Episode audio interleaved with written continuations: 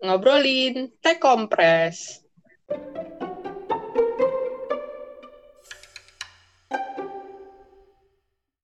Teret, teret. Lalu ya. Kenapa sih kalau kalau opening selalu kayak gitu aja? Ciri khasnya Salwa.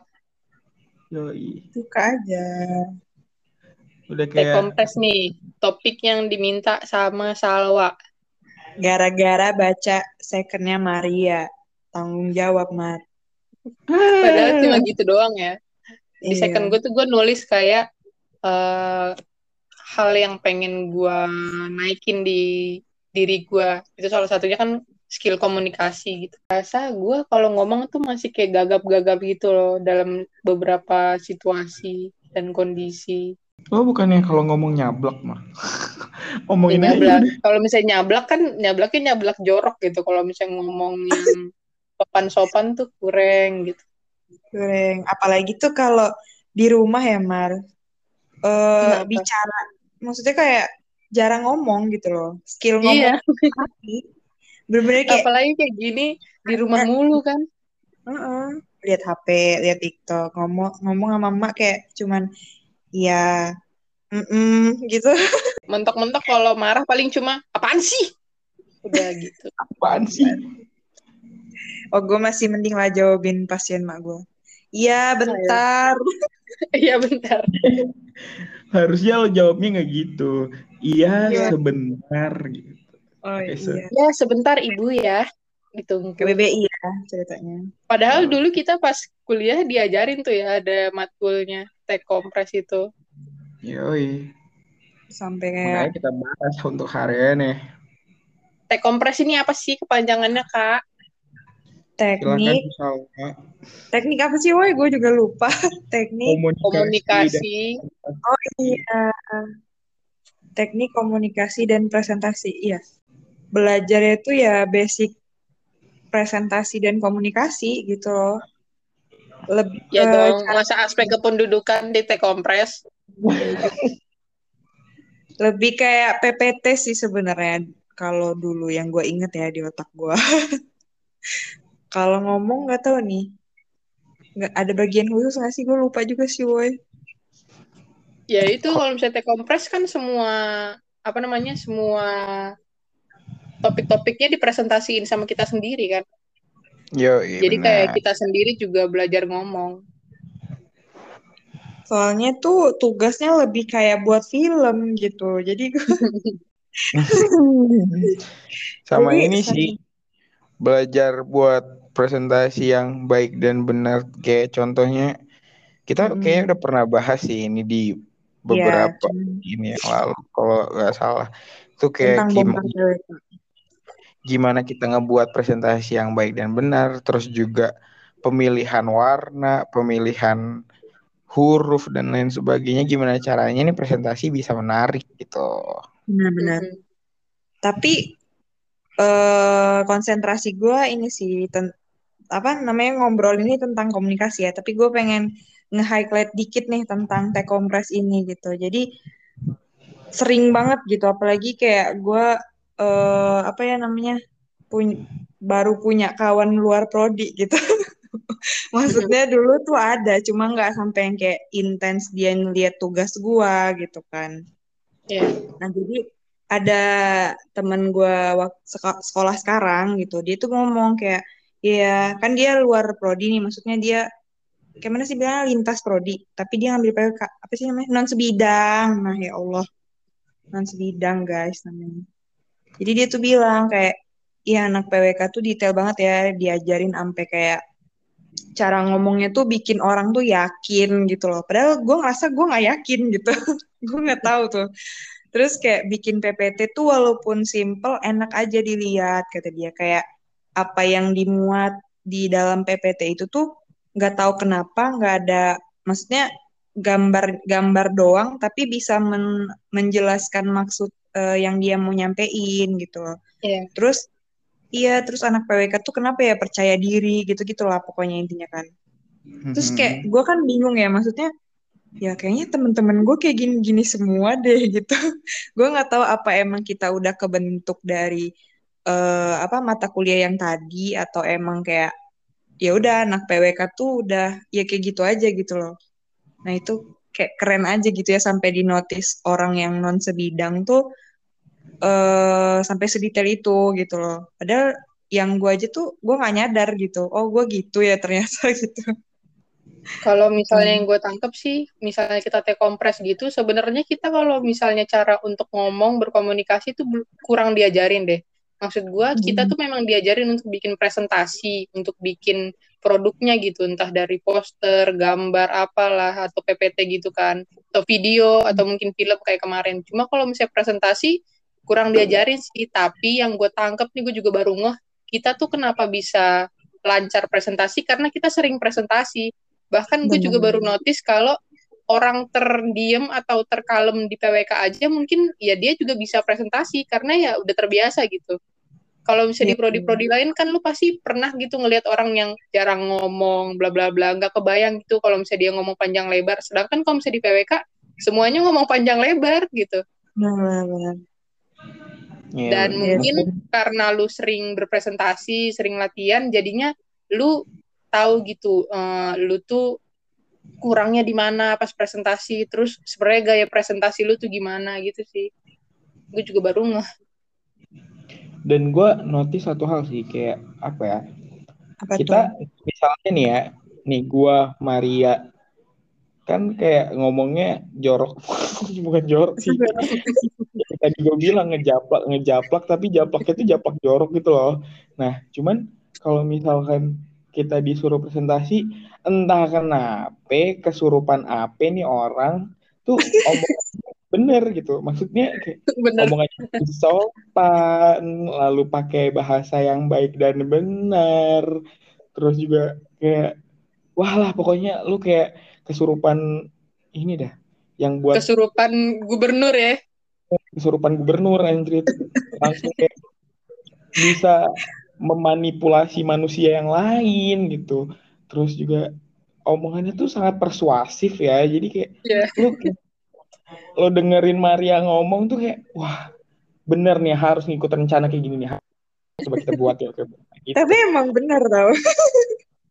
Tapi emang bener tau Mar jadi oh. tuh waktu studio proses tuh ya gue inget banget kan Maria ini anak infrastruktur ya iya gak sih Mar? Lupa juga gue. Iya. Pokoknya gitu lah.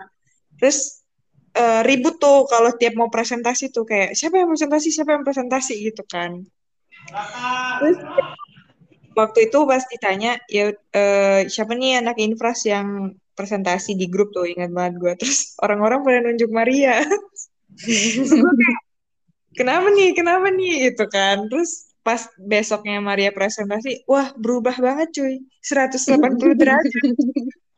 Iya kan, itu hebat loh. Maksudnya gue nggak tahu kenapa. Kayaknya hampir semua anak TK sih kayak gitu. Maksudnya kayak even presentasi di tugas akhir ya, mereka mempresentasikan tugas akhir mereka tuh yang kayak, oh iya benar benar benar, oh gini, oh iya benar benar benar. Yeah. Jadi tuh lebih ke arah or dosen atau yang lainnya ngasih masukan bukan ke kemasukan substansi jadinya. Masukannya cuma yeah. kayak ini masih ada tipe ya coba dibenerin yeah, terus ini tuh gue baru baru baca juga katanya itu kenapa kita anak PWK perlu belajar site kompres ini karena kita tuh kan perlu ngumpulin data ya data entah primer atau sekunder. Kalau bisa sekunder kan mungkin kita ngumpul-ngumpulin aja gitu dari internet atau dari mana kayak kalau misalnya hmm. primer kan kita turun ke lapangan, ngobrol sama orang lah. Kalau misalnya kita kitanya nih, misalnya introvert dari awal, terus nggak punya skill untuk berkomunikasi juga, gimana lu ngomong sama orang? Masa lu duduk sebelah dia, berharap dia ngasih informasi ke lu tanpa lu tanyain gitu. Hmm. Ya itu iya juga sih. kali ya pentingnya. Katanya itu untuk kita ngumpulin data, entah ke masyarakat atau ke kedinasan gitu-gitu lah. Nah, uniknya PWK juga nih ya, kalau gue nih tersadar akan satu hal. Kalian pernah gini ya sih kayak kalian mau ngambil data kuesioner pasti bukan langsung ke rumah warga ketok pintu ngomong dengan baik-baik. Pasti kalian mampir hmm. dulu ke warung, beli minum, habis itu yeah. nanya, nanya ke warung gitu. Bener gak? Merakyat dulu. Merakyat hmm. dulu guys. Mencari informasi, korek-korek dikit.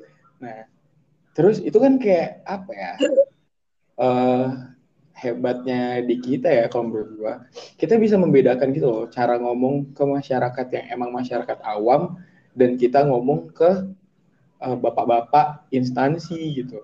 Kalau misalkan ke masyarakat awam nggak mungkin kan kita mau tiba-tiba ngomong pak kita mau uh, wawancara soal RT RW ini kira-kira zona kan nggak mungkin hmm. Iya, lebih kita datang. Eh, Red, jangan salah loh, tiba-tiba dia ngejawab, iya kalau misalnya di sini tuh peraturan zonasinya ya mbak ya. Hmm, kita memang diarahkan untuk mengembangkan agrowisata, gimana? kayak ya kita pasti ini dulu ya sih kayak pendekatannya yang kayak uh, ibu mau nanya-nanya sekalian boleh ya bu ya uh, untuk sini tuh harga lahan tuh kira-kira berapa sih bu? Kalau kita kan saya mau bangun rumah nih. Kalau misalkan di sini kira-kira berapa gitu harga lahannya? Pasti kan nanya kayak gitu gitu. Hmm, yang kayak yeah. kita pendekatannya tuh beda gitu. Tapi gue pernah mar. Wah jadi gue tuh waktu itu uh, ngambil data punyanya Penny. Itu di hmm. kelurahan Kangkung. Jadi yeah. lah kan masuk tuh di pasarnya. Tahu kan pasar yang becek dan bau itu nah mm -hmm. waktu gue keluar gue tuh ngelihat ada uh, lo tahu kembang tahu nggak sih? Iya. Yeah. Oh. Nah, kembang tahu kan gue beli tuh sama Penny sama Tiara kan, gue beli tuh kembang tahu. Tiba-tiba coy tanpa ada nggak tahu nggak ada hujan nggak ada angin nggak ada apa tiba-tiba uh, bapak-bapak yang jual ngomong kayak gini. Ini emasnya dari mana ya? Dia nanya kan. Dari uh, eh, ITERA pak. Oh lagi ngapain? Lagi penelitian pak. Tugas akhir kata gue gitu. Mm -hmm. Oh jurusannya apa memang kok tugas akhirnya di sini gitu dia gitu iya pak saya perencanaan wilayah dan kota tata kota gitulah kata gue gitu hmm. terus kata bapaknya gini oh tata kota menurut mas tuh yang itu tuh yang hotel nggak jadi-jadi ngomongin ini loh hotel yang kota, yeah. hotel yang tinggi banget iya yeah. yang di Bandar Lampung kan iya yang tinggi banget nggak selesai-selesai sampai sekarang. Horizon. Yeah bukan bukan bukan horizon. Gak tahu lah pokoknya itulah kelihatan ya. dari mana-mana. Ya nggak selesai selesai dia bilang kayak gini menurut mas itu pembangunannya itu benar nggak sih mas? Soalnya kan kayak dia uh, menggerus ruang terbuka hijau. Lo gue kaget dong. Ini ini anjir kembang tahu dia ngomongin nggak ada nggak ada bridgingnya ya? Bridging.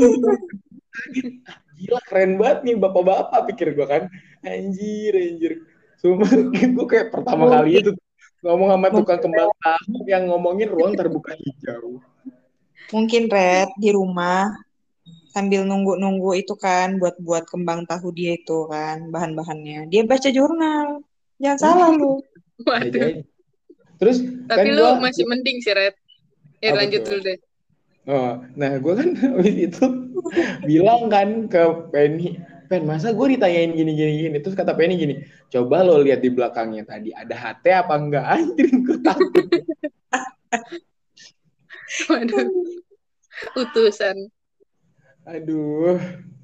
Terus tapi lu masih apa? mending red waktu itu gue lagi survei yang untuk uh, apa ya kayaknya pro, pro, yang tentang perumahan-perumahan itulah yang kita disuruh bikin majalah. Terus kan gue di Gunung Sulah yang perumahan yang naik ke atas gunung gitu. Terus baru naik, hmm. ini rumah terakhir nih paling atas. Kita nanya kan, e, permisi Bu, Pak, ini kami dari PWK mahasiswa mau tanya untuk tugas. Dia bilangnya apa coba? Maaf Mbak, Mas, kami nggak kami nggak terima kampanye. Mentang-mentang pakai PDH dikira kita dari partai. Gara-gara omongannya formal banget kali ya. Kalau nggak kampanye ya paling tuh kayak e, mas ini mau dibangun ya mas. Nanti kita dapat persenan yang sangkanya gue apa nanti keren banget. Iya dia kayak masa kita nggak dapet ini mas? Amplop lo lo lo lo lo lo lo Ma, mohon maaf ini kita juga mau lo kalau misalkan dapat amplop. Ini masih masih mahasiswa gitu. Kita ke sini tuh penelitian loh bukan mau ngegusur gitu punten ini mah Kadang-kadang Tapi orang emang kalau misalnya pakai PDH turun ke lapangan tuh kerasa banget ya kayak orang-orang ngeliatnya segen gitu padahal kita kagak ada isinya. Tapi berpengaruh nggak sih eh, berpengaruh besar nggak materi tech compress ini ke kalian? Kalian sendiri dulu deh. T-kompresnya sendiri kurang ngaruh sih. Cuma dari adanya matkul T-kompres ini bikin gue sadar, oh penting ternyata komunikasi dan presentasi buat anak PWK gitu. Sisanya belajarnya lebih dari malah matkul-matkul lain gitu. Iya, Kayaknya benar. waktu itu kita yang matkul apa yang bikin PPT tentang infrastruktur tiap tiap minggu PWK. ya PWK tuh. Apalah. Gitu, gitu. Perencanaan infrastruktur wilayah. Eh, ya benar. Sama studio sama Pak Yuda sih. Kayak Itu tuntutan sih. Yang kayak gue eh apa namanya? Studio pertama tuh studio proses ya. Nah, Iya. kan lu mau bikin PPT ya. Lu bayangin gak sih? PPT maksimal eh, 20 slide ya. Anjir nggak sih PPT 20 slide? Sebenarnya kan PPT kita tuh kayak agak 60 slide kan. Lo tau apa yang terjadi? Sebenarnya kita 20 slide sih 20 slide, tapi itu kayak bahannya sama, cuman ditumpuk. yang nyampe kalau misalkan dipresentasiin bagus giliran dilihat wah anjir tumpuk-tumpukan Pas revisi ya, pas revisi pening, nangis.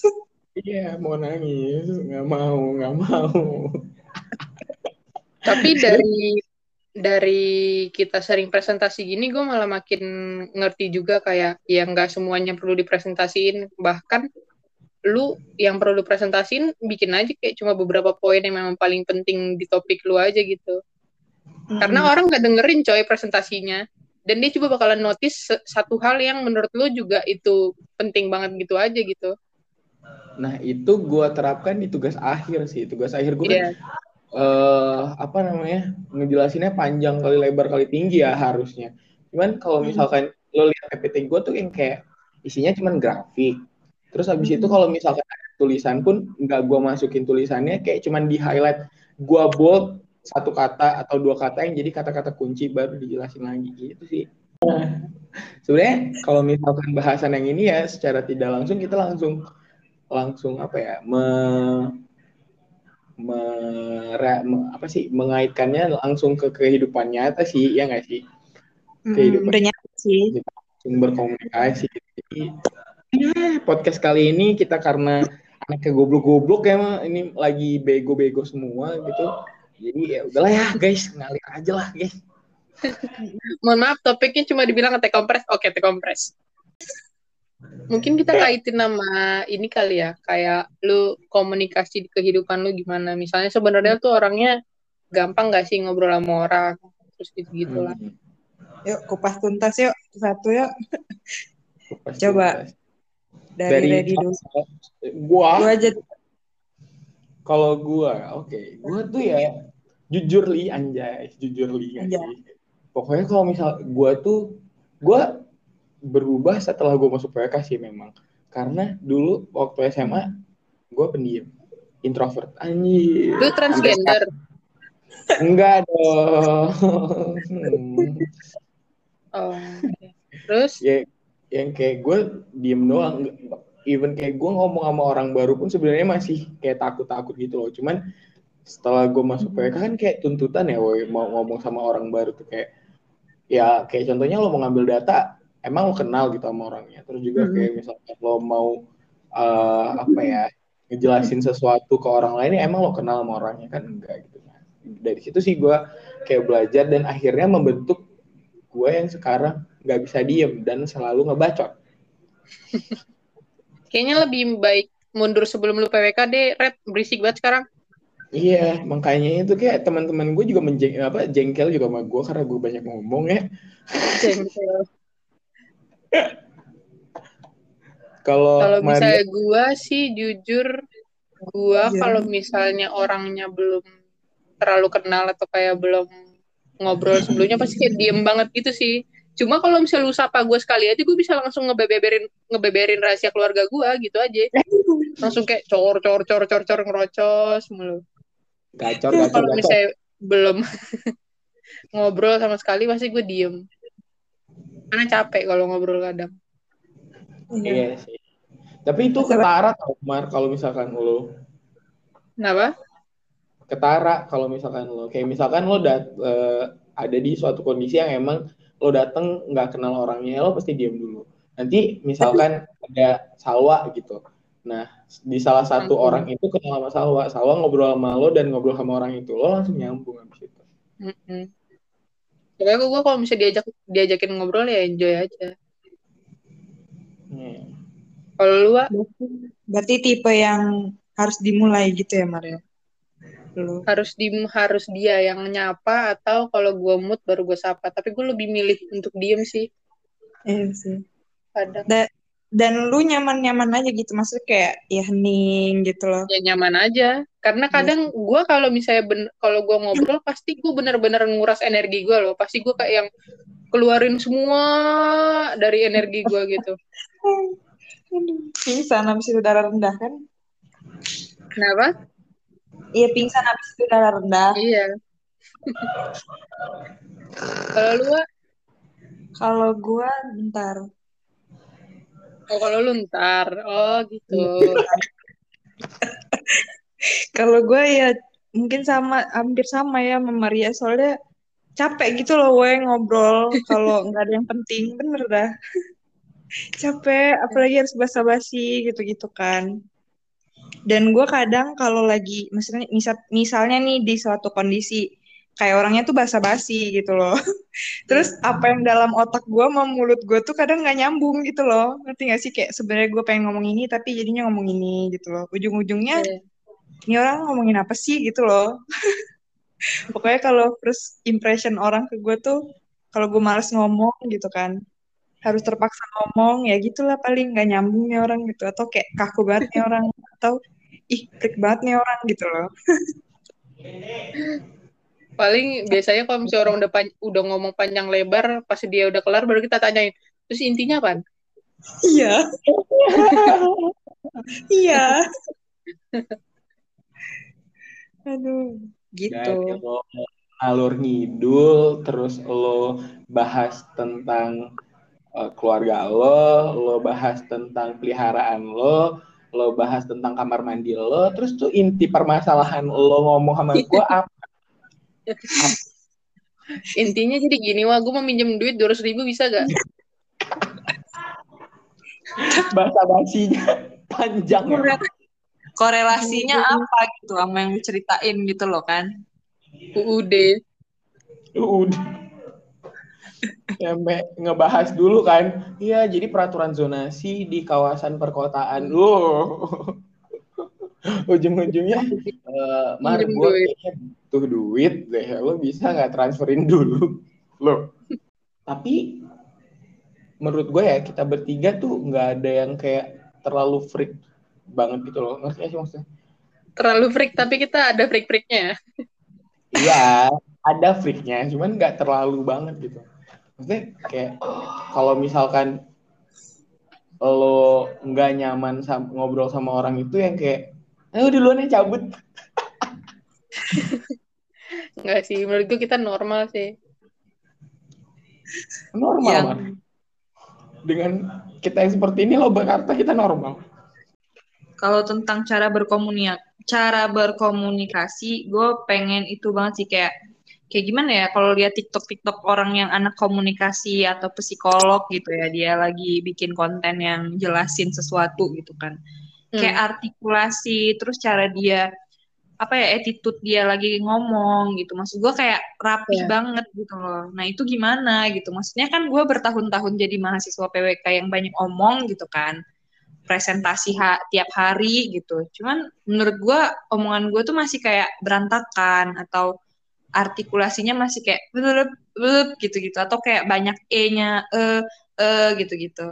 Paham kan Iya. kalian? kayak eh eh Bukan bukan bukannya kita tidak mampu, cuman emang kiblat kita Isyana Sarasvati. Jadi suka belibet ngomong. Kalau Isyana bukan belibet ya. Emang dia aja sampai bikin bahasa sendiri loh. itu Sama. Dor. Tak tak. Kayak alien anjir. Mana Cuma kalau misalnya yang tadi Salwa bilang kayak anak-anak psikologi yang sering ngomong bla bla bla, mungkin kan dia juga berpengalaman. Kalau Hmm. misalnya untuk presentasi dan ngobrol, emang kuncinya yang paling paling manjur cuma ya sering latihan. Iya sih. Karena Gue pemba- pembawa, pembawa acara atau host gitu-gitu juga awal-awal acara pertama yang dia hostin juga pasti dia belibet anjir. Iya sih ya. Cuma sekarang kita mau latihannya di mana ya? Masa gue tiba-tiba mau jadi pembawa acara di nggak ada acaranya di rumah bawain acara sendiri. di TikTok tuh kan kadang kalau misalkan gue sering lihat sih yang kayak misalkan ada penyiar TV tuh, nah kan dia ada yang teks running text ya namanya. Nah Iya. itu kayak belajar dari situ aja loh. Wih, wih, wih, wih. Itu juga gue sering tuh meragain.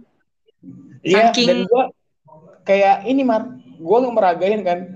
Waktunya udah habis, gue belum selesai ngomong. Saking itu ya, Mar, nggak pernah ngobrol, maksudnya nggak diajak orang ngobrol di rumah Iya. Iya, coy. segitunya, iya sih.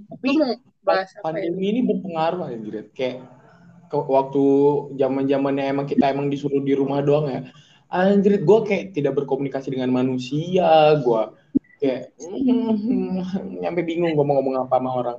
Jadi kayak datang eh, ngobrol abis abis bahan ngobrol kayak diem doang. Serasa ingin kutanyakan dulu waktu SD kira-kira nih apa gitu cita-citanya? Tapi nggak ada obrolannya nggak pernah ngomong sama manusia. Apalagi anak yang sekolah dari rumah, apa sih namanya, homeschooling. Aduh maaf ya guys ini agak chaos Ya, bintang di mana, Red? di shelter gua Shelter mana? Shelter Mumbai. shelter anak anak 18 Pak Rudi. Kayak anjing dah di shelter. Iya juga ya. emang eh lo harus tahu di sini tuh anak-anaknya suhu semua guys Suhu. Kenapa? iyalah podcast udah Fatah ya? iya ada fakta nah ini nih ini nih yang Ini komunikasinya Master sangat MC. masternya Nah. MC Cocok guys. tuh. Dari Langsung jadiin ini deh gestar sekarang. Nah, Ya, ini belajar komunikasi di mana? ada ada Hai Kak Maria. Yo, Hai guys. jadi eh, kita mau tanya-tanya nih Apa tuh mananya apa tuh? kan Sebelumnya ada perkenalan dulu gitu nggak? eh, ya kenalan dulu boleh Oh boleh iya, kenalin dulu. Nama gue Fatah Ikhwan. Gue salah satu mahasiswa dari institut terbaik di Pulau Sumatera. Tepuk tangan dulu untuk kita ya. ini kenapa sih bacot beneran gue tepuk tangan lagi.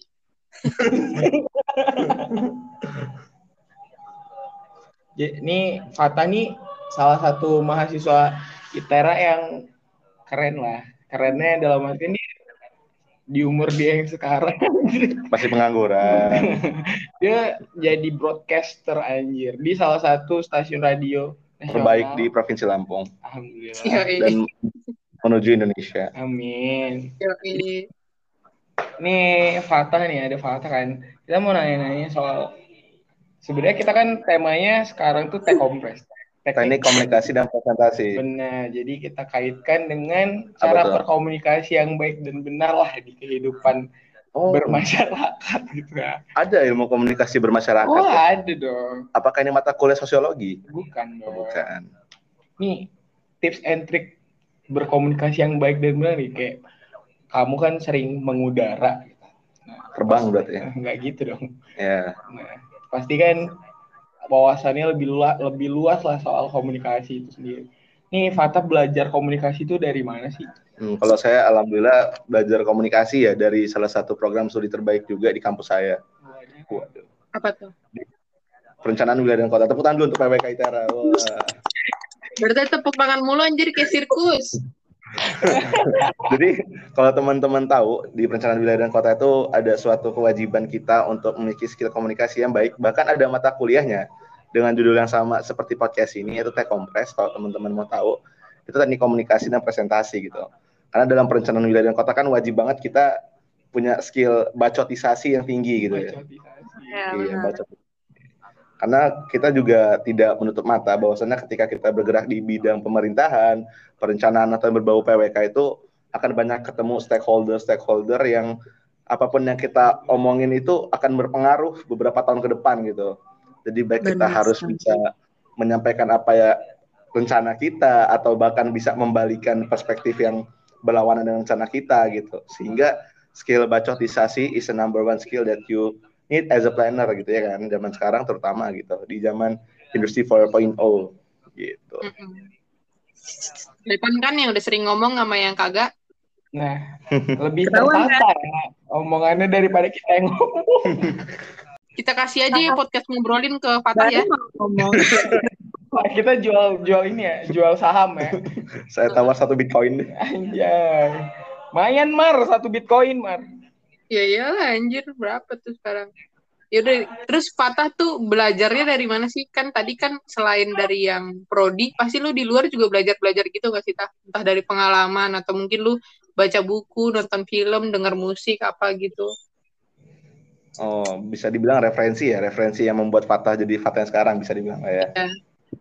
Kalau untuk referensi atau apa namanya bensin saya untuk berkembang sampai sekarang, itu yang pasti pertama itu organisasi dan panitiaan di kampus ya, karena kita nggak menutup mata lagi bahwasannya skill komunikasi itu bukan didapatkan tiba-tiba, itu lahir dari jam terbang juga. Kalau teman-teman pasti sadar, ketika kita udah sering dengan berba- ngobrol dengan berbagai macam orang, berbagai macam latar belakang, kita bakal tahu tuh penempatan kata-kata yang tepat untuk bertemu dengan berbagai macam orang gitu. Kan kita juga pasti sadar misalnya kalau kita ketemu teman A harus pakai skill apa, ketemu teman B skill apa sehingga dengan banyaknya jam terbang kita ikut organisasi, panitiaan, volunteer menciptakan apa namanya? eh meningkatkan experience kita dalam mengolah kata dan berkomunikasi gitu.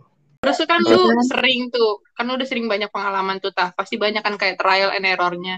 Eh, pasti, apa hal-hal yang menurut lu yang paling eh, paling apa ya? Paling menguntungkan yang lu dapatkan selama lu belajar dan kayak error-error apa sih di lapangan yang pernah lu alamin yang kayak menurut lu ini tuh anjir kok gua fail banget tadi ya gitu. Suka nih ya, I like this question so much gitu. Anjir. Jadi kalau ngomongin the biggest error yang pernah gue alamin, gue itu pernah nge-MC di acara kampus itu MC internasional. Soalnya kan di kampus gue ada Mhm. international office kan, dan gue dipercaya untuk nge-MC stadium general gitu. Yang kebetulan itu sekaligus penanda- penandatanganan MOU kerjasama antara Institut Teknologi Sumatera dengan kampus di London. Iya.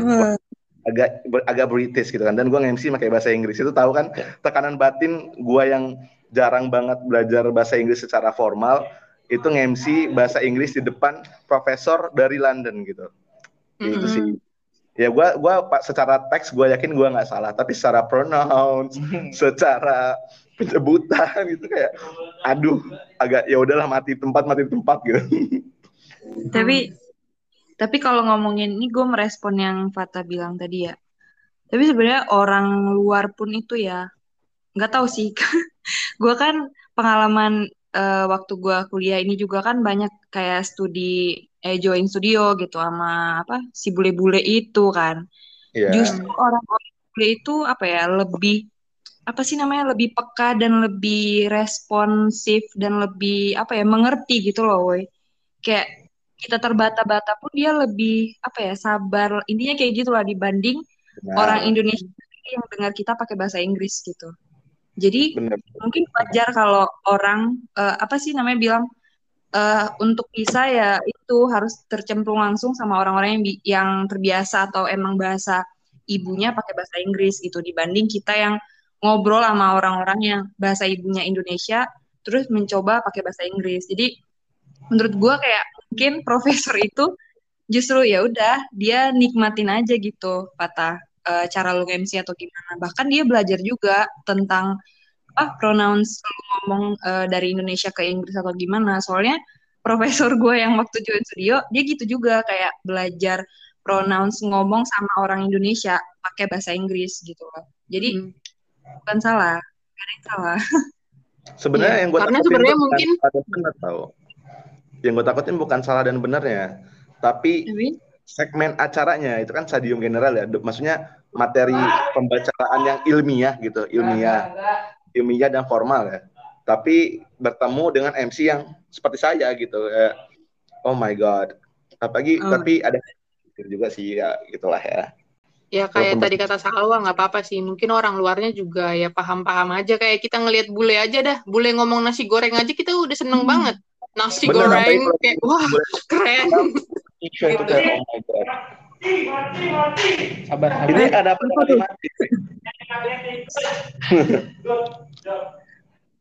Apa kita Oh, ajak Terus juga? itu tadi tah kan itu tadi eh, menurut lu yang paling fail atau mungkin paling memberi pelajaran lah. Pelajar. Nah, terus pelajaran yang menurut lu paling berguna selama lu belajar itu apa? Kayak Pelajaran yang Entah yang tadi lu bilang kayak penempatan kata atau mungkin intonasi lu di beberapa acara tuh harus berbeda-beda gitu. Apa yang menurut lu paling berguna? menurut gua skill komunikasi yang paling berguna kalau teman-teman pernah dengar itu ada nama skill komunikasi cold reading. Jadi cold reading Hmm. itu kita membaca kalimat lawan bicara kita dan kita membuat apa namanya pengetahuan dia jadi pengetahuan kita. Misal gini, misalnya tadi ready ngobrol, lo tau gak sih gue ada keluhan di rumah, bla. Sebenarnya keywordnya rumah dan kita bisa membalas dia tuh kayak lo pasti punya masalah sama keluarga atau di rumah ya. Nah sehingga seolah-olah kita tahu tanpa kita nanya. Nah itu skill code reading menurut gue yang skill komunikasi yang berpengaruh banget sih Da, untuk jadi skill sok ngasih gua sama ini ke orang baru. Jadi kayak obrolannya nyambung terus gitu ya. Iya. Iya. Mungkin kalau yang pernah ngobrol sama gua, gua sok asikin paham lah. Untuk kita yang sangat tidak apa sangat lelah untuk bicara banyak gitu. Bisa keluar. Berisik itu cocok banget udah kayak gua tuh.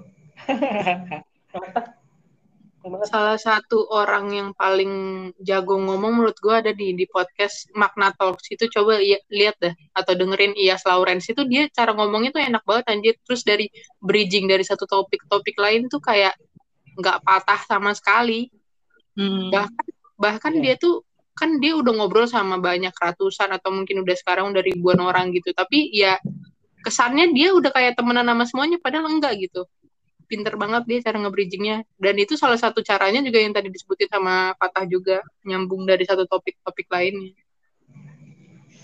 Itu makanya menurut gua kalau teman-teman udah kenal konsep komunikasi ya, semua orang itu bisa berkomunikasi even kalau lo ngaku di lo introvert sih. Itu menurut gua ngaruh banget sih. Kalau lo udah tahu ba- basic basic komunikasi kayak hot reading, cold reading, hot reading, habis itu callback, habis itu remember callback segala macam. Pokoknya banyak banget lah skill komunikasi itu dicari aja biar teman-teman tuh tahu gitu runtutan-runtutan bahasa obrolan yang enak terutama untuk orang baru gitu. Terutama kayak kita kan ceritanya baru kenal ya. Maria dan sama Salwa. Mm. Ceritanya baru Kok ketawa Ya, enggak sih? dong. Oh. Lemot Oh, ya gue. Oh, jadi di podcast ini emang jujur. Iya, jujur. Oh, yang ada di Hai Kamaria, Hai Kasalwa gitu. Jujur dong kan, kan lu cutting gua Bawa bawa. Setiap berapa kali itu tetes lagi. Sabar guys, maaf ya Salwa, nanti lo harus ngeditnya Mbak, eh, agak ekstra ya, Pak. Udah nggak gue edit. Siapa bilang mau gue edit? Iya, ini kan sebenarnya podcast yang apa adanya dan ada apanya ya. Tapi Terus kalau tadi- ngomongin Hmm, kalau misalnya nyambungin sama omongan Fatah yang tadi Fatah bilang bahkan orang introvert pun ya perlu skill komunikasi itu gue setuju sih karena lu perlu skill komunikasi ini bukan cuma buat lu bergaul sama temen lu tapi lu kerja juga butuh masa lu Benar. gak mau ngobrol sama atasan lu atau orang di bawah lu kagak kagak ada yang mau temenan sama lu juga nanti jadinya Iya sih. Tapi Mengurangi kalau di relasi. pekerjaan sekarang kan agak kejam ya. Sebagus-bagusnya lo kerja kalau nggak bisa ngomong dan nggak bisa ngejilat kan susah ya. gue jago sih ngejilat Gue juga jago sih. Kebetulan waktu itu ka- kabit gue cewek sih. Jilatannya enak. mau adu nih Enggak, maksudnya gue ngejilat secara komunikasi loh, secara komunikasi gitu. kirain mau praktekin sekarang kredi Eh, apa nih? Apa, apa? Apa nih? terus apa Tapi lagi nih Se-open minded itu ya podcast ini ya. Iya dong. Kita Serem ya. sering sebut merek anjir, bukan bukan lagi. Tapi lebih sih sebenarnya open minded tuh open minded. Sebenarnya open minded secara yang gue tahu ya, secara umumnya tuh apa namanya menerima perspektif orang ke kita gitu. Kita nggak nutup kuping, nggak nutup kepala dengan perspektif luar, baik itu apa namanya yang tabu menurut kita atau yang nggak bisa sama kultur kita kita terima. Bukan dan tapi bukan berarti kita ngiyain aja. Nah tapi sekarang open minded yang gue tangkap di eh, yang gue lihat di anak-anak millennials atau Gen Z sekarang tuh lebih ke tau nggak sih ke barat-baratan harus ya? setuju. Harus setuju. Harus sejalan. keniga-nigaan ke ciga-ciga. Tapi kayak gitu kan sekarang penangkapannya. Kayak misalnya nih kita punya apa namanya temen cewek suka sama cewek kita harus menerima Mhm. mereka walaupun secara agama tidak tapi kan enggak kan kayak gitu kan ya udahlah kita Iya. open minded menurut gue tuh stigma open minded ya nggak salah tapi nggak 100% bener Emang gitu ya? Sebenarnya enggak, tapi tapi kalau ngelihat sosial media sekarang di generasi Z atau milenial sekarang gitu yang kita tangkap, eh, yang gue tangkap sih sebenarnya. Menurut gue orang-orang yang gitu cuma mereka karena nggak ngerti aja apa itu open minded dan mereka juga manipulatif Benar. pengen dibenerin terus ya kita Iya. kalau misalnya memang kita juga Orang-orang kita tahu apa itu open minded ya kita harusnya lebih aware aja sih Nah iya Orang- itu sih. submisif yang kita bahas kemarin ikut-ikutan. Submissive. Oh sebenarnya ada bahasan itu juga. Di podcast kemarin. Oke, abis ini saya dengar. nggak dengerin lo ya tah udah lah tah usir Red nggak seneng gue Red nggak open minded Ganti bintang tamu lah kita. Kan cerita kan ceritanya kita nggak baru. open minded Red Gak bermain. Wah nggak menerima nih kalau gue nggak dengerin berarti kurang open minded nih. Tapi nggak gue gue sebenarnya fans dari podcast ini sih gue dengerin dari podcast episode satu yang ganti satu lagi Apa nih? dua kali kan episode satunya kalau nggak salah. Enggak, satu tetap. Oh satu, gue dengerin gue dengerin. Ini podcastnya yang ada di Spotify itu kan, Iya, iya. yang ada di di Kobuzer. Kasih tahu dong Mar berapa pendengar kita.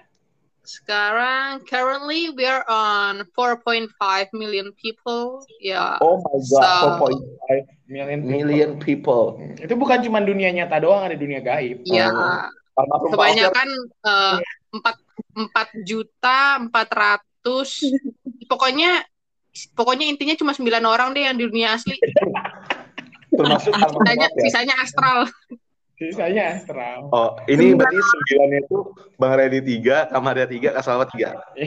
enggak gua nggak nggak dengerin Gue Wah nggak dengerin nggak open minded, nggak dengerin nggak open minded nih.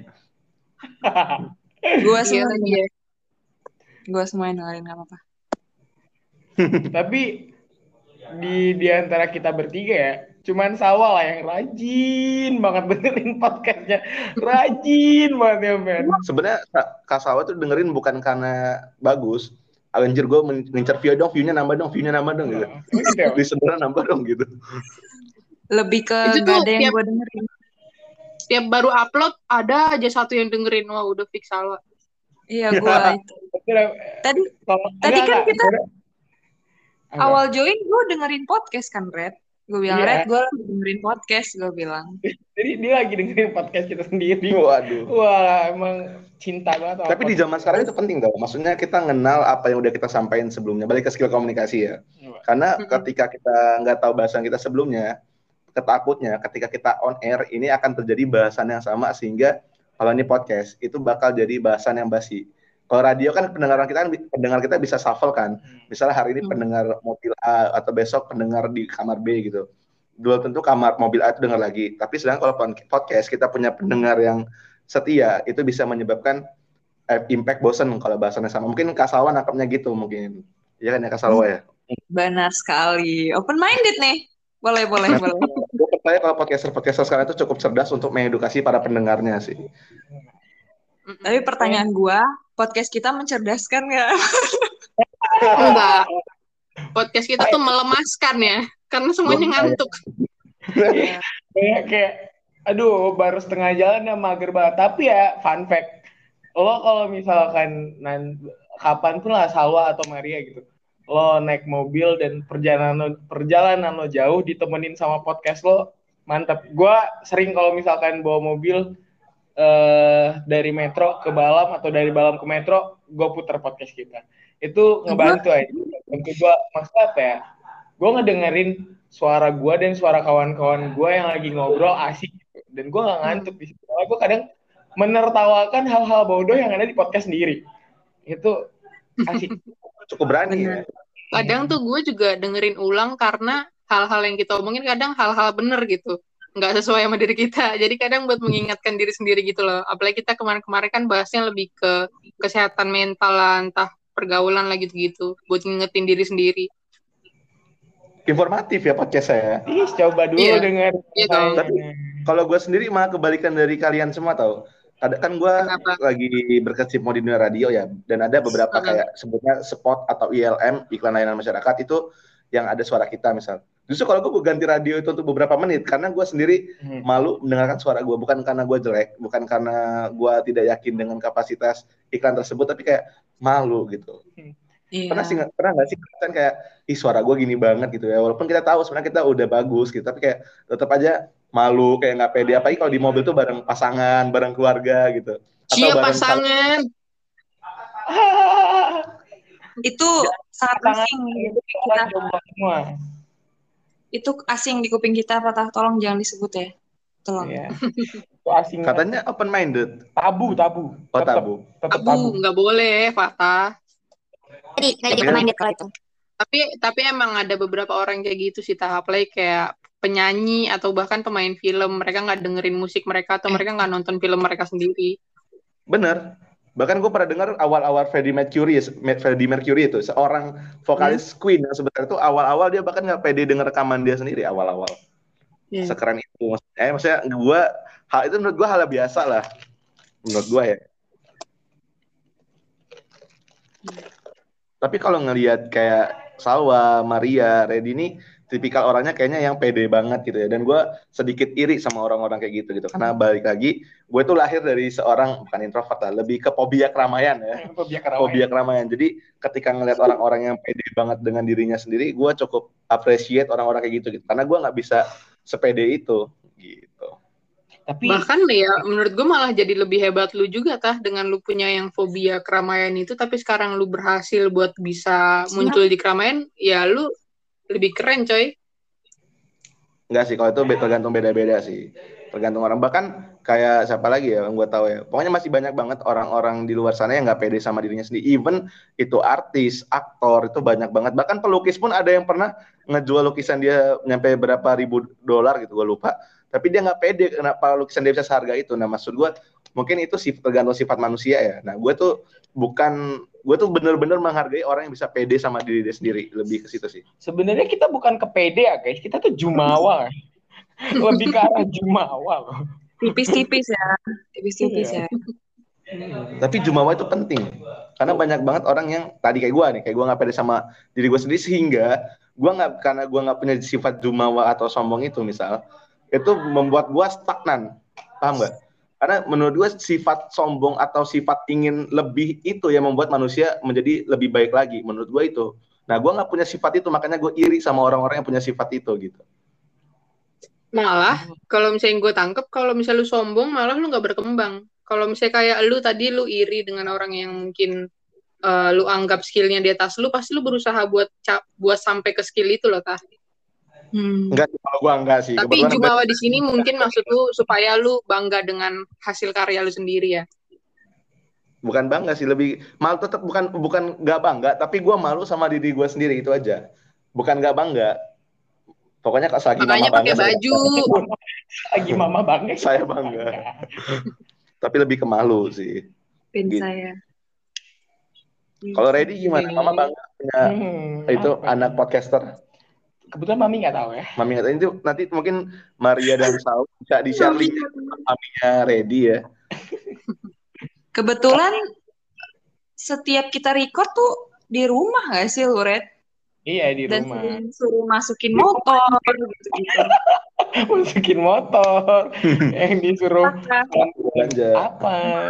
Nah. Tapi kayaknya kalau misalkan ada satu orang yang paling bangga gitu gua bikin podcast itu kucing gua sih lebih ke kayak dia setia mendengar membuat podcast, dia Hmm. mendengarkan saat gua memutar podcast, bahkan dia tertidur di atas HP gua kalau gua dengerin podcast. itu terlalu nyaman mendengarkan ya. Hmm. kucingnya udah open minded banget tuh Hmm. udah ngerti Oh, iya. bahasa manusia Alhamdulillah. Udah. Di- Bahkan eh kita minggu depan bahas open minded tadi kali ya Boleh. bisa jadi sih kan mungkin kita punya konsep tadi kita punya konsep marah-marah di nanti kita ngomongin abis selesai podcast ini ya. Gak tahu Boleh, juga sebenarnya. Kalau ngomongin open minded sih lebih seru kalau kita ngundang bener-bener orang yang dianggap open minded kaum milenial? Siapa tuh? Eh, Siapa? chat, Eh, Tinder, enggak, Siapa?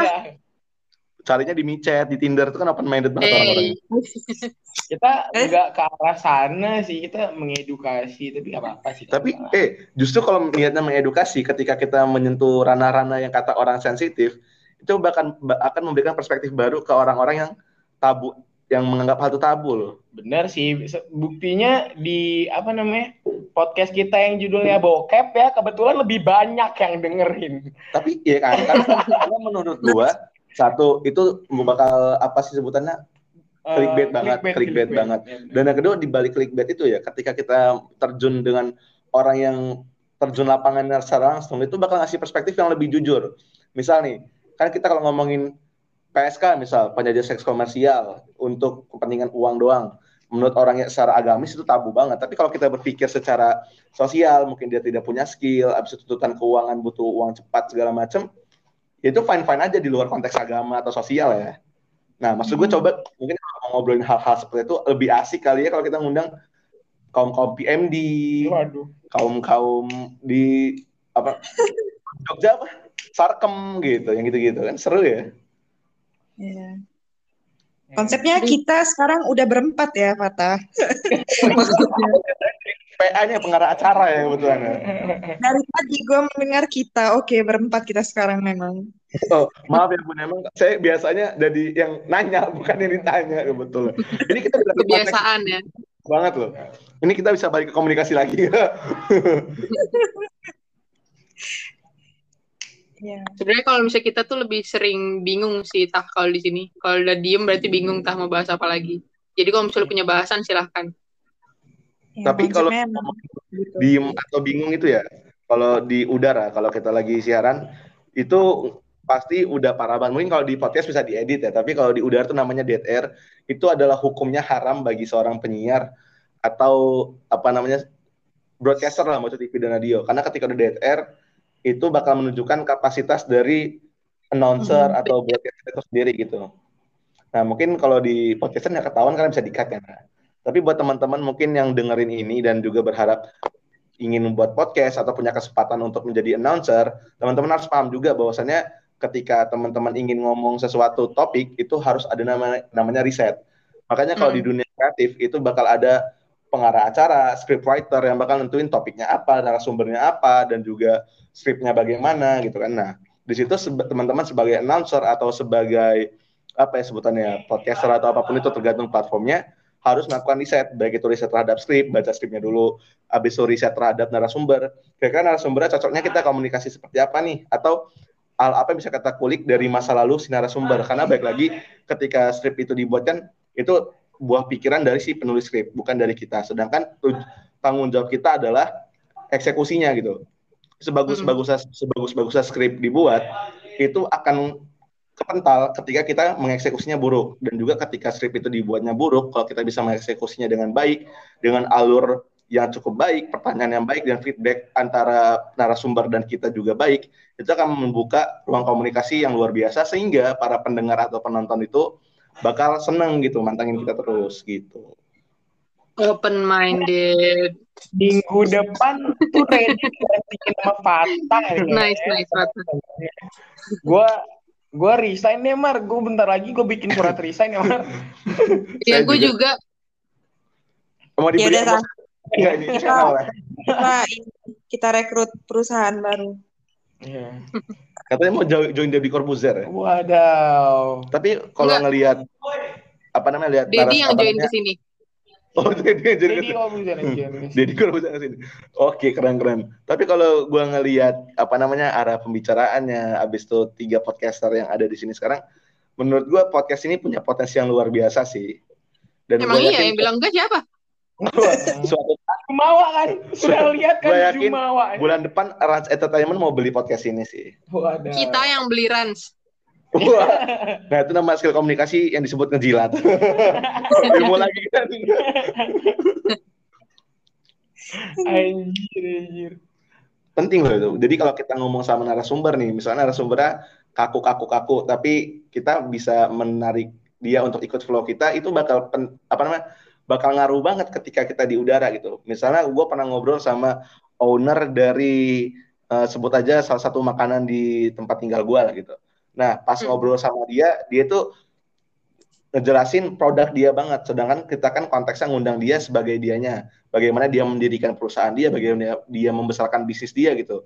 Ketika yeah. dia membesarkan produk dia, kita tinggiin lagi nih produk dia tipis. Tapi abis itu kita kita bagiin ke dianya.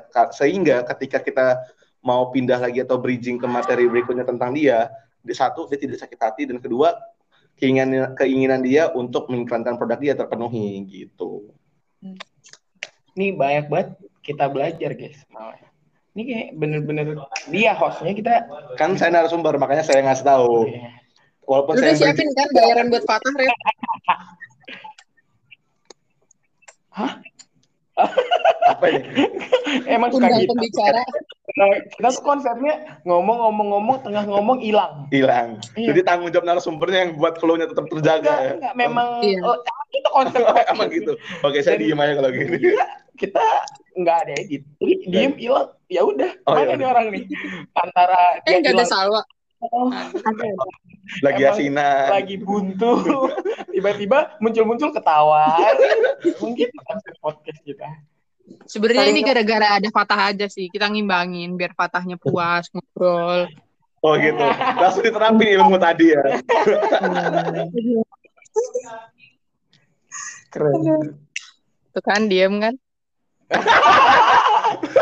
Emang kayak gitu jadi kayak tahu ya siapa yang memang punya skill komunikasi yang baik tuh tahu gitu orang-orang tuh bisa menilai gitu setelah kita ngundang Fatah gue jadi berpikir bahwasanya kayak yang kata Maria kita normal kita nggak normal loh man enggak nggak normal enggak maksudnya kita normal tapi kita nggak jago kalau misalnya untuk komunikasi Maksudnya SLB ya? Tuh? Katanya nggak normal. Kita lebih ke SGM sih, sinting gila miring. Tolong sus SGM bayar iklan ke sini ya. Soalnya kalau di kalau di dunia on air tuh nggak boleh nyebut merek tau biasanya. Oh, kita Bodo amat kita belum ada duit oh, iya. masuk anjir. Oh, iya. Nah, terus oh, iya. lu ke depannya untuk dalam hal komunikasi apalagi yang mau lu kembangin ada atau lu sekarang masih ada nggak hal yang menurut lu yang perlu diimprove nih di diri lo? Kalau ngomong yang harus diimprove banyak segudang, segudang harus diimprove. Tapi yang benar-benar gue highlight itu yang pertama apa namanya cara pembawaan gue karena mungkin kalau teman-teman kenal gue secara personal dan juga sering dengar gue di udara gue tuh sering banget logat Lampung Bandar Lampung apa Lampung? Bandar Lampung yang ke Jakarta Jakarta nggak dapet tapi lampunya juga hilang itu ke bawah gitu. Jadi jadi kesannya mau anak gaul Jabodetabek nggak dapet ya kan? Tapi jadi orang Lampung yang biasa-biasa juga enggak gitu. Jadi gue pengen improve diri gue di situ sih. Di, menciptakan Fata Ikon tuh ingin di branding sebagai apa itu yang pertama dan yang kedua hmm. itu gue pengen banget apa namanya melatih intonasi gue karena jujur secara tidak langsung gue mungkin teman-teman juga ngerasa tadi ada beberapa titik gue agak diem agak ngomongnya kepleset nah itu yang pengen gue improve dari diri gue sih karena kalau gue secara pribadi ingin jadi seorang penyiar bukan karena gue berbakat di bidang itu, tapi karena physically gue nggak menjual. karena kalau ngomongin announcer TV, abis itu juga apa pun yang berbau video, sama visual, itu kita nggak munafik good looking is number one karena Tuhan bersama orang-orang yang good looking kan sekarang kan. Nah gue tuh tidak memiliki paket itu gitu, sehingga gue pengen mengimprove skill komunikasi gue secara audio aja. Nah itu yang pengen gue improve sih untuk sekarang. Tapi tadi untuk bahas yang lu pengen nge-branding diri lu, diri lu sendiri emang pengen dikenal sebagai Fatah yang gimana? Atau memang ingin dikenal, kan tadi lu bilang ada Lampung-Lampungnya, ada Jabodetabeknya. Lu pengen dikenal sebagai yang mana? Lampung banget, apa Jabodetabek banget, apa mix of both gitu? Sebenarnya gue pengen, ya sebenarnya kalau pengen mix ya mix, tapi mixnya itu yang benar-benar bisa kedua-duanya gitu. Karena tahu kalau Maria Salwa dan tahu kan di Bandar Lampung ini kulturnya nggak kental ya. Dibilang ke Jakarta gue lo gue lo ke Jakarta juga nggak segaul itu orang-orangnya. Tapi dibilang kultur Lampungnya sendiri nggak ada. Nah gue tuh kalau bisa di dua-duanya. Nah tapi kan gue juga harus mengikuti apa namanya kebiasaan kultur dan juga cara bicara ke Jabodetabek itu kan ke Lamselan itu eh ke Lamselan itu kan. Jadi gue lebih ke pengen diri gue yang bisa ke mana aja gitu. Nah itu yang lagi pengen gue kembangin. Gue lagi belajar kira-kira kalau I'm speak in Lampung gimana habis itu gue ngomong in Jaksel gimana ngomong de, ala ala apa yang pendengar sekarang kan banyak banget orang Jawa ya karena Jawa is everywhere gitu. Gue juga lagi sedikit-sedikit ngembangin kata Jawa gue dikit-dikit. Jadi ketika candaan sama orang Jawa masih kena juga. Karena jujur di Indonesia ini bahasa paling terkenal selain bahasa Indonesia bahasa Jawa gitu. Yeah. itu sih yang pengen gue kembangin. Tapi tadi untuk masalah yang good looking good looking menurut gue ya be yourself aja dulu tah. Kalau misalnya ada pasarnya pasti ada coy. Di TV yeah. sekarang di mana pun udah nggak terlalu mentingin good looking good looking lah. Yang penting lu itu well served gitu. Lu berpakaian rapi ya atau yang kayak lu tadi bilang lu harus brand diri lu sendiri atau mungkin lu setiap hari mau pakai baju warna kuning gitu. Ya gitulah. Hmm. yang penting kan ciri tapi, khas. hmm. tapi kalau TV jujur ya kalau ngomongin TV TV kan udah kasana kalau dunia saham tuh udah blue chip ya TV itu udah industri yang gede banget. Justru kalau diperhatiin sekarang persetan TV nerima orang yang good looking. Walaupun dia kecuali dia kayak komedian komedian atau musisi gitu. Di luar itu kan berarti mereka mencarinya announcer, mencari public speaker yang benar-benar good looking. Karena baik lagi TV itu menjual visual juga. Karena gue gue juga berkecimpung di dunia ini kan kenal sama orang-orang TV juga secara langsung. Dan benar mereka itu pentingin banget tentang good looking. Walaupun lo S2 komunikasi tapi lawan lo S1 ekonomi misal tapi dia good looking habis punya public speaking yang bagus ya orang ekonomi itu yang dicari gitu karena visual is number one sekarang. Kecuali lo kayak komedian, musisi, nah itu baru yang dipikirin tuh value lo sebagai musisi atau komedian itu sih yang gue rasain sekarang ya. Jadi kalau orang bilang lo harus diri lo sendiri di dunia TV, bener tapi cuman 30% benar menurut gue gitu. Kalau memang lo fokus announcer atau segala macamnya ya, pembawa acara atau apa gitu. Iya, iya, iya. Nah, memang pasarnya pasarnya sekarang sih. Tapi kalau misalnya gue lihat untuk ke depannya orang-orang udah mulai ya itu tadi open minded atau udah mulai aware dengan hal-hal yang gak terlalu penting tentang persona gitu. Tapi kalau misalnya tentang branding itu itu bahkan yang sekarang dikejar sama orang-orang. Makanya menurut gue lu juga ngejar ke arah situ branding. Lu pengen dikenal sebagai orang yang gimana gitu. Itu sih itu yang masih gue cari sih. Selain bagaimana gue berkomunikasi dengan berbagai style ya itu juga gue juga masih mencari Fatah Iqbal tuh ingin dikenal sebagai apa. Karena gue sendiri bingung gitu. Karena kan gue masih mencari-cari apa namanya style gue seperti apa. Nah gue juga masih bingung sebenarnya Fatah Iqbal ini siapa sih di dunia ini gitu? Fatah Iqbal ingin dikenal sebagai apa? Dan itu gue masih mencari juga. Makanya doain ya mungkin suatu saat gue udah menemukan branding gue seperti apa mungkin nanti kita ketemu di siapa tahu OVJ Waduh. saya dipukulin pakai styrofoam. Gitu, kode OVJ ya. Kode OVJ ya Justru OVJ kaya loh. Coba lihat OVJ isinya. Sule, siapa lagi dulu Andre, mereka kaya loh. Rumahnya lebih rumah istana negara loh. Gitu sih.